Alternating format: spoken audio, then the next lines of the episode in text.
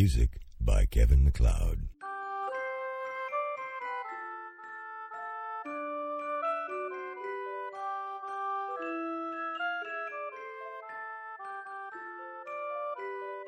Hallå ute i stugorna. Idag är det den 14 december. Så att jag, Niklas, hade tänkt öppna lucka nummer 14 i vår lilla julkalender utan namn.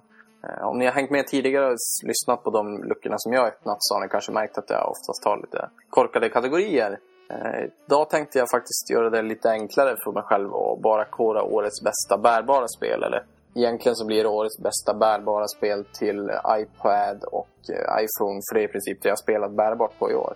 Årets bästa bärbara spel för mig då, det blir ett spel som heter Sword and Sorcery. Eller Sword and Sorcery eller vad det heter. Ja, någonting sånt. Eh, som Super Brothers har utvecklat och släppt. Och som sagt, det, det släpptes i våras till iPhone och iPad och hur det nu var. Nu vet. Jag minns inte om alla versioner kom samtidigt eller hur det var. Eh, hur som helst så är det ett eh, egentligen ett sidoskrollande äventyrsspel som blir väldigt bra på grund av att det är verkligen anpassat till det formatet det befinner sig på. Så de undviker de här fallgroparna som vanligtvis eh, förstör eh, spel som släpps på ja, smartphones eh, överlag kan man väl säga.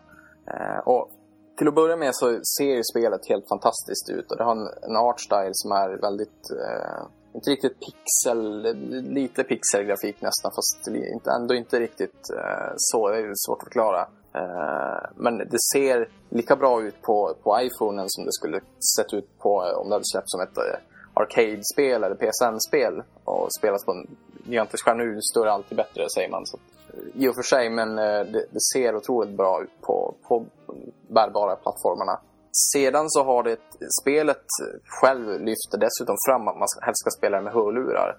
Och jag själv har faktiskt, det mesta jag spelar bärbart, eh, skiter jag i ljudet. Eh, jag, det är aldrig så att jag sätter mig att nu ska jag spela det här så därför tar jag på mig hörlurarna. Det, eller det gör jag, nej jag gör nog aldrig det i princip. Men just i det här fallet så är det faktiskt värt att göra det för att musiken är helt fantastisk. Sedan har vi själva spelmekaniken som till majoriteten handlar om att du håller iPhonen liggande och du trycker där du vill gå som ett peka-klicka äventyrsspel eller någonting egentligen. Eh, och när du utforskar då. Men sen när du, om du hamnar i en strid med typ en varg så, så eh, vrider du istället på iPhonen så att den är liksom stående eller vad man ska säga. Då står du liksom öga mot öga med den här vargen och får ett lite annat gränssnitt i och med att du ska kunna svinga ditt svärd och sådär. Hålla upp skölden också. Sedan är spelet rätt uppdelat eh, på, på ett bra sätt som gör att du i princip utför ett, eh, ja, du når ett slags mål i spelet. Eh, där det är väldigt naturligt, känns väldigt naturligt att stanna, vilket jag i alla fall uppskattar när det gäller bärbara spel. Ifall man inte, ibland är det klart att vill man ju sitta i flera timmar och det går att göra det också om man vill det. Men det finns en naturlig eh, avgränsning där man eh, kan spela liksom i små, korta, en tio minuter, en kvart eller någonting.